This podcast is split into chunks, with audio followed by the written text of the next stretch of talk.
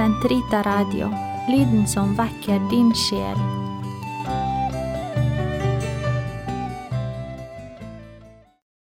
I dag vi fjärde och sista del av samtalen med Hans eminense kardinal Anders Arborelius OCD, biskop i Stockholms katolske bispedöme. Biskop Anders, som han önskar att tilltala som, var munk i karmelittordenen i Norraby i Sverige i perioden 1971 till 1998, da han ble valgt til biskop av Stockholms katolske bispedømme. Han har vært en kjær retrett og foredragsholder også etter at han ble kreert til kardinal 28. juni 2017, som den første fra Norden noensinne. I denne siste del av samtalen som ble holdt på Zoom 22. april, samtaler vi mer om vår tro og hvilken rolle jomfru Maria og den hellige Josef spiller i våre liv. Igjen ønsker vi biskop Anders varmt velkommen til programmet Karmels hage. Tack så mycket. Så um, Vi er jo litt der over på naturen, og nå er vi kommet til uh, Karmelberget, altså fjellet. sant? Um, vi har jo i Karmel en veldig spesiell uh, forhold til jomfru Maria, i og med at vår ordens navn altså bærer hennes navn. Ja, Jomfru Maria Karmelbergets orden. jo. Og vår patronatsfest er i juli, 16. juli, på hennes Ja. festdag. Kan biskopen snakke litt om Maria? Det är klart att eh, Karmel är en Mariaorden. Och det är inte alla som har riktigt fått det klart för sig att allt i Karmel är ju präglat av Jungfru Maria. Även om hon inte står i centrum. Och det är just den här eh, aspekten tror jag som är väldigt viktig att komma ihåg. Också när vi talar med våra vänner i andra kyrkor och samfund. Att Maria finns alltid med, men inte i centrum, utan alltid i bakgrunden. Eller som vi ser i eh, en bisats. Jag brukar säga i trosbekännelsen finns Maria bara med i en bisats. Men det är just för att betona huvudsatsen. Och språket består ju inte bara av huvudsats utan av bisatser som framhäver huvudsatsen. Och något liknande är det ju i Pauli brev. finns bara Maria med en enda gång i Galaterbrevet. Född av en kvinna. Men det är just det som gör Maria så viktig att hon fick föda Gud till världen. Att hon fick bli den som födde frälsaren till världen. Och det är ju därför vi i Karmel betonar henne då som den som ska hjälpa oss att låta Gud födas i oss. Att vi ska vara som eh, Elisabet av treenigheten säger, en- en andra mänsklighet för honom där han kan upprepa hela sitt mysterium. Och det är något oerhört stort när det går upp för oss att vi behöver Marias hjälp för att bli likna, öppna, tillgängliga för Jesus som Maria. Jag brukar ofta hänvisa till ett engelskt adjektiv, responsive, att vara som ett svar på Jesu tilltal. Och det är det som är Marias storhet, att hon besvarar Guds erbjudande och låter sig tas i anspråk för frälsningen. Så på något sätt ska vi under Marias mantel eller skapular, för vi har ju också en yttre påminnelse om att vi står under jungfru Marias hjälp och beskydd genom skapularet. Ska vi försöka efterlikna henne i denna totala öppenhet för Jesus och stå till hans förfogande. Alltså, bönen blir på något sätt lättare också om vi tänker på att här står jag tillsammans med Maria. Ibland står jag under korset, ibland står jag vid den öppna graven, ibland i Kana och så vidare. Att eh, mitt liv som karmelit är ett liv i ständig gemenskap med Maria. Men i relation till Jesus. Maria hjälper mig att komma honom närmare. Hon drar inte uppmärksamheten till sig själv, utan hon vill under sitt beskydd och sin hjälp föra oss in i en allt djupare förening med Jesus Kristus.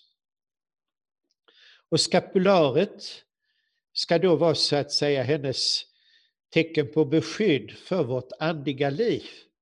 Att det verkligen blir ett äkta liv i gemenskap med Jesus. Kanskje noen lyttere må få forklaring på hva et skapular? Det, jag vet att det är noen Ja. som är katoliker. Jag skulle ha på mig dräkten för då kunde jag visa det här bruna överdelen. Et slags forkle, sant? Ja. Det vil være forkle som man trer over hodet. Just det. Ja.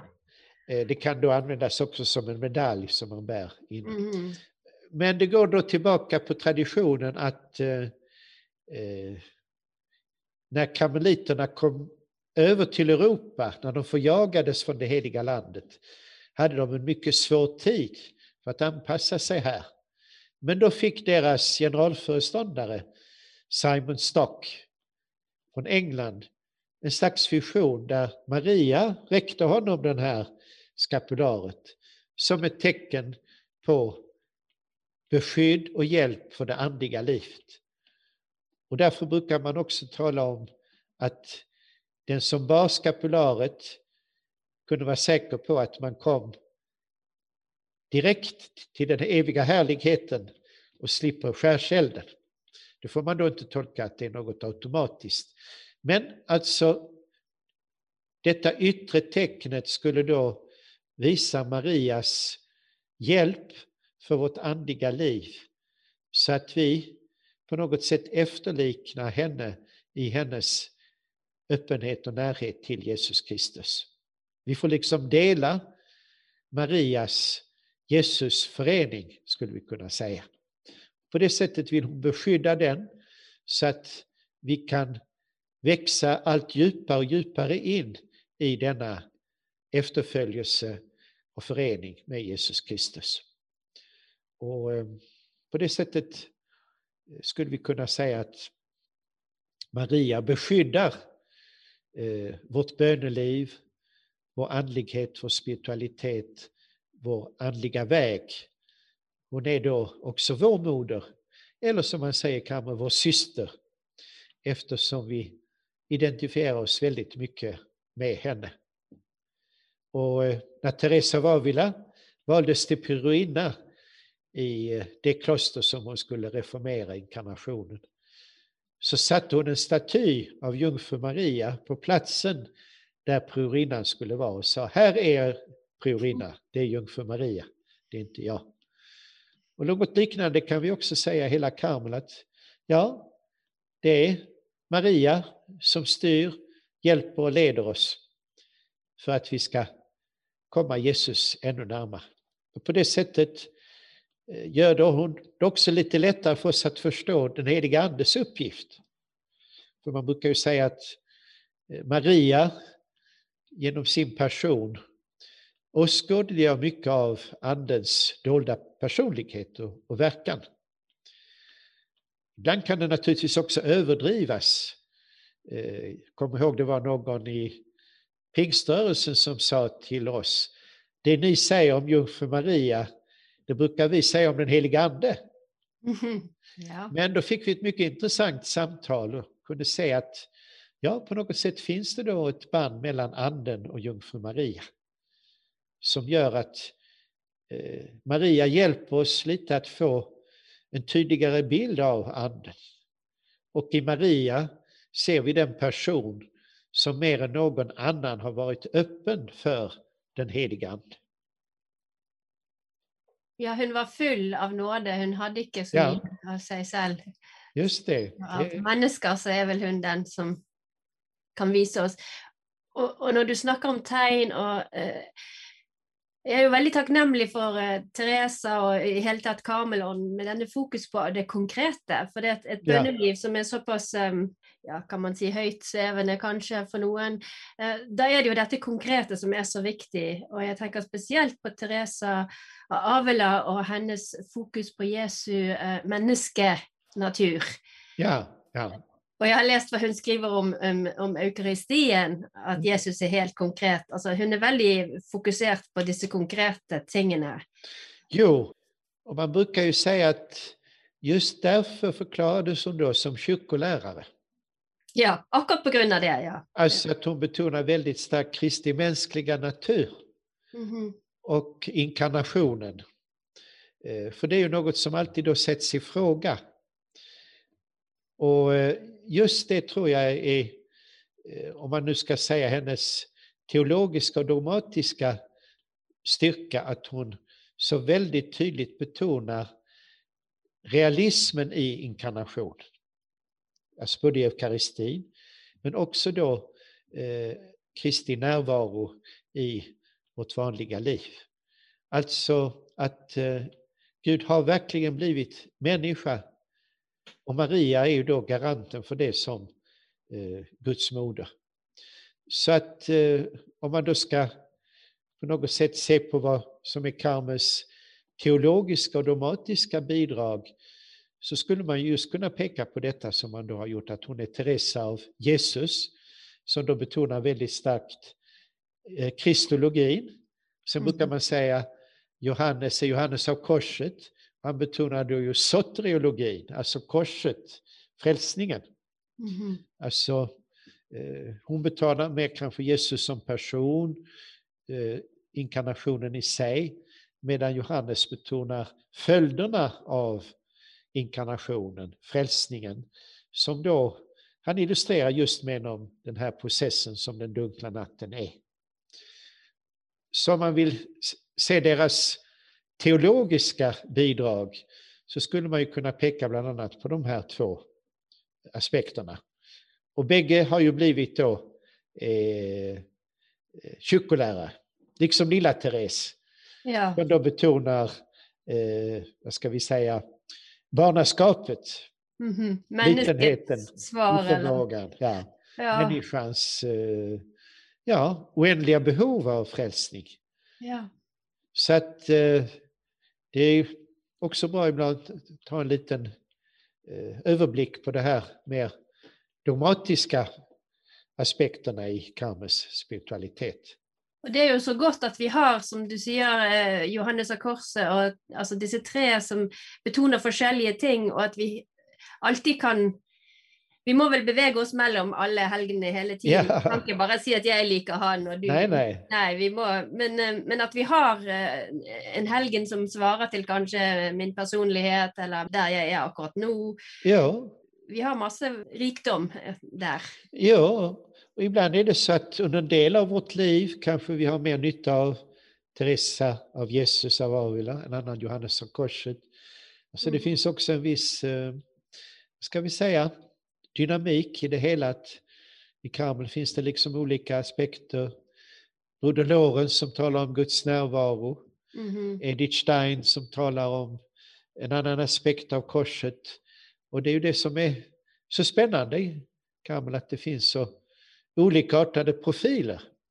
Ja, veldig forskjellig personlighet. Ja. Alt er helt forskjellig. Og noen vil vel si de motsier hverandre, mens vi sier att de utfyller varandra. Ja. Samtidigt är det ju så befriande när Teresa säger om Johannes kors. Ja, men vi hade också några mellanhavanden med varandra. De kunde också bråka lite med varandra. Ja, och det, och det har vi ju svårt, kan också behövas ibland. ja, Og akkurat dette året, men egentlig alltid i Karmel, så er jo Josef veldig sentral. Og ja. Og vi kan vel ikke snakke om Teresa Vavila uten å snakke om eh, Sankt Josef. Og, og, så skal vi avslutte litt da med noen betraktninger rundt eh, hellige Josef? Det tror jag är väldigt viktigt att vi kan situera Josefs roll i det andliga livet också. Mm -hmm. För um, Eh, Eh, vi ser ju att under kyrkohistoriens gång har Josef fått större och större betydelse. I fornkyrkan och långt fram i medeltiden var han egentligen bara en bifigur. Men eh, någon som Teresa av Avila har ju bidragit väldigt mycket till att sätta Josef central. Och det är intressant att hon det också är väldigt konkret där. Man brukar säga att för henne var Josef viktig på två plan. Det var pengarna och det var bönen. ja. och det är ju lite lustigt kanske. Ja. Men, eh, för hon såg ju det att eh, för att grunda de här klostren har jag inga medel. Utan det är den helige Josef då som måste se till att folk skänker pengar till våra kloster. Och eh, ja, då kan man undra varför skulle Josef göra det? Jo, han beskyddar ju den heliga familjen, han såg till att den fick sitt levnadsunderhåll. Han har alltså en praktisk och en mycket konkret uppgift i livet. Och sen säger hon ju det som folk blir ännu mer förvånade över. Om ni inte hittar någon som kan hjälpa er på bönens väg, vänd er då till den helige Josef. Och då säger, men Josef säger ju inte en enda bön, han säger inte, inte, inte ett enda ord i evangeliet. Och då får man ju försöka förklara att det kanske är just det du behöver i bönen. Du behöver inte säga en massa saker utan bara vara tyst, lyssna till Guds ingivelse och ta emot honom i ditt vanliga liv. Så på något sätt har ju Josef blivit då den här, vad ska man säga, alldaglighetens helgon. Den som i ett vanligt yrkesliv kämpar, han får rädda sin familj från att bli förföljd. Och det är ju det då som vi har försökt i vårt herdabrev, de nordiska biskoparna, ta upp alla de här olika aspekterna av Josef som gör att han fortfarande är aktuell som till exempel flyktingar och migranters eh, för de döende under pandemin. Alltså att, ja, Josef stod lojalt vid Maria och, Jesus sida hela tiden och han fortsätter då att stödja kyrkan under hennes Eh, pilgrimsfärd. Och sen kan vi då tillfoga lite speciella accenter det är intressant att se på hela påven Franciscus pontifikat i Josefs tecken. För några år sedan kunde jag faktiskt besöka Buenos Aires och bland annat då eh, El Carmelo de San José, karmelitnunnornas kloster som är vigt till den helige Josef. Där just den här nådebilden finns, där Josef ligger och sover. Och det uttrycker ju då eh, om vi kan säga så, sömnens spiritualitet. Eh, man säger ju ibland att eh, ja, sömnen är den enda tid när vi inte kan synda. Men vi kan naturligtvis också under sömnen få Guds nåd på ett djupare plan. Alltså att i alldagliga delar av livet upptäcka Guds hjälp och närvaro. Och där står väl lite Josef då som en, eh, ja, en portalfigur som arbetarnas skyddshelgon som då uppvärderar det vanliga arbetslivet, det vardagliga livet, som också kan bli en bön till Guds ära. Så eh, jag tror också den aspekten är viktig i Karmels liv, att det är ofta ett vanligt liv. Man arbetar, man gör, man måste se till att pengarna räcker till, vad vet jag. Och att Josef då är någon man kan lita på som beskyddare, som hjälp, som föredöme.